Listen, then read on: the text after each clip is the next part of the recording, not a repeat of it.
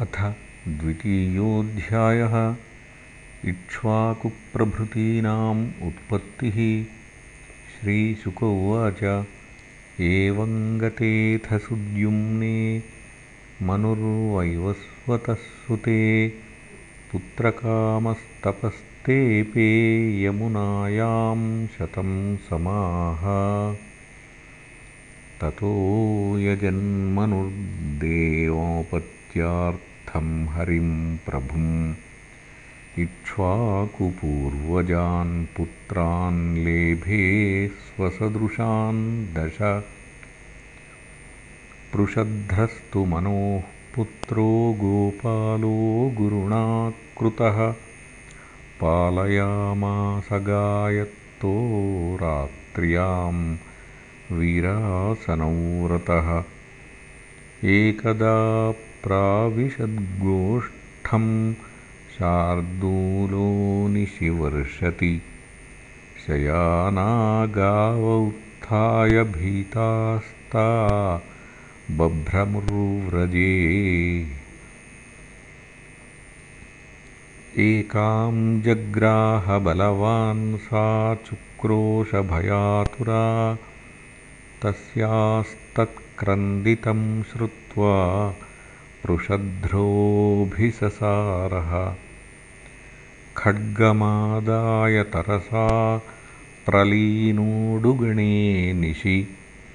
अजानन्नहनद्बभ्रोः शिरःशार्दूलशङ्कया। व्याघ्रोऽपि वृक्नश्रवणो निस्त्रिंशाग्राहतस्ततः निश्चक्रामभृशं भीतो रक्तं पथि समुत्सृजन्। मन्यमानो हतं व्याघ्रं पृषध्रः परवीरः। अद्राक्षीत् स्वहतां बभ्रुम् व्युष्टायां निशि दुःखितः तं शशापकुलाचार्यः कृतागसमकामतः। नक्षत्रबन्धुः शूद्रस्त्वं कर्मणा भवितामुना एवं शप्तस्तु गुरुणा प्रत्यगृह्णात्कृताञ्जलिः अधारयद्व्रतं वीर ऊर्ध्वरेतामुनिप्रियम् वासुदेवे भगवति सर्वात्मनि परेमले एकान्तित्वं गतो भक्त्या सर्वभूतसुहृत्समः। विमुक्तसङ्गः शान्तात्मा संयताक्षोपरिग्रहः यदृच्छयोपपन्नेन कल्पयन् वृत्तिमात्मनः। आत्मन्यात्मानमाधाय ज्ञानतृप्तः समाहितः। विचचारमहीमेतां जडान्धबधिराकृतिः एवं वृत्तो वनं गत्वा दृष्ट्वा दावाग्निमुत्थितं। तेनोपयुक्तकरणो ब्रह्म प्राप परं मुनिः।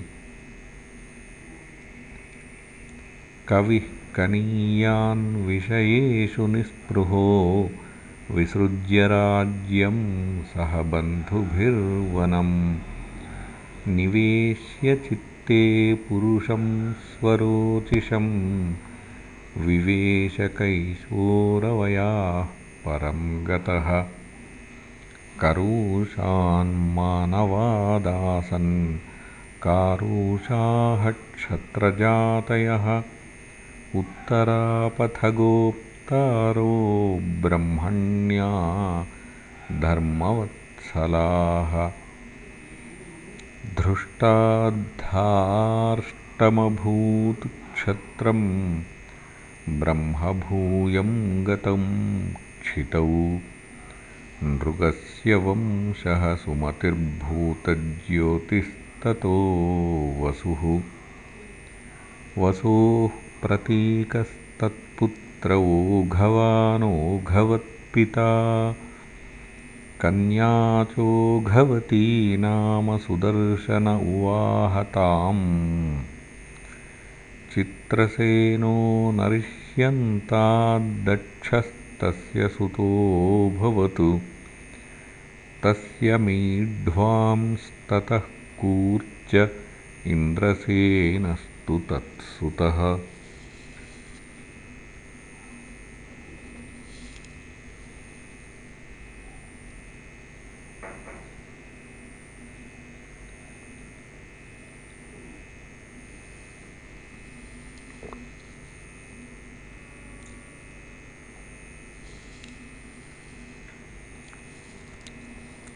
वीतिहोत्रस्त्विन्द्रसेनात्तस्य सत्यश्रवाभूतु। उरुश्रवाः सुतस्तस्य देवदत्तस्ततो भवतु।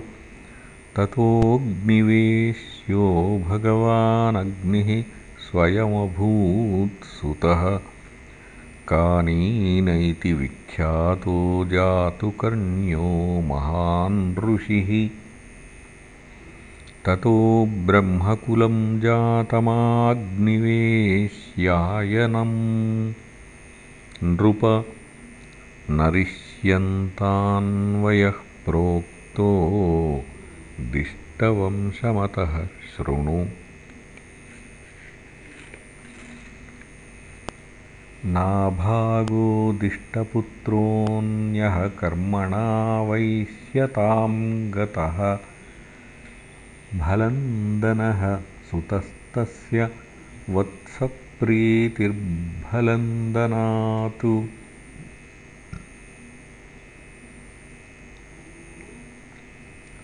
वत्सप्रीतेः सुतः प्रांशुस्तत्सुतं प्रमतिं विदुः खनित्रः प्रमतेस्तस्माच्चाक्षुषोऽथ विविंशतिः। विविंशतिसुतोरम्भः खनिनेत्रोऽस्य धार्मिकः। करन्धमो महाराज तस्यासीदात्मजो नृप। तस्यावीक्षित्सुतो यस्य मरुत्तश्चक्रवर्त्यभूतु। संवर्तो याजयद्यं वै महायोग्यं गिरःसुतः मरुत्तस्य यथा यज्ञो न तथान्यस्य कश्चन।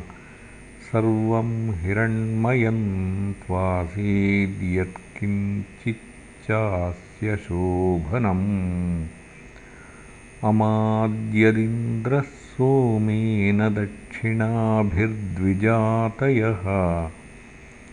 मरुतः परिवेष्टारो विश्वे देवाः सभासदः। मरुत्तस्य दमः पुत्रस्तस्यासीद्राज्यवर्धनः। सुधृतिस्तत्सुतो जज्ञे सौधृतेयो नरः सुतः। तत्सुतः केवलस्त तस्माद्बन्धुमान् वेगवांस्ततः। बन्धुस्तस्याभवद्यस्य तृणबिन्दुर्महीपतिः। तं भेजेलम्बुसा देवी भजनीयगुणालयम्। वराप्सरायतः पुत्राः कन्याचेलविलाभवतु। यस्यामुत्पादयामास विश्रवाधनदं सुतं। प्रादाय विद्यां परमां ऋषिर्योगेश्वरात्। पितुः विशालः शून्यबन्धुश्च धूम्रकेतुश्च तत्सुताः विशालो वंशकृद्राजा वैशालीं निर्ममे पुरीम् हेमचन्द्रः सुतस्तस्य धूम्राक्षस्तस्य चात्मजः तत्पुत्रात् संयमादासीत्कृशाश्वः सह देवजः। कृशाश्वात् सोमदत्तोऽभूद्योऽश्वमेधैरिडस्पतिम् इष्ट्वा पुरुषमापाग्र्यां गतिं योगेश्वराश्रितः सौमदत्तिस्तु सुमतिस्तत्पुत्रो जनमेजयः एते वैशालभूपालास्तृणबिन्दोर्यशोधराः। इति श्रीमद्भागवते महापुराणे पारमहंस्यां संहितायां नवमस्कन्धे द्वितीयोऽध्यायः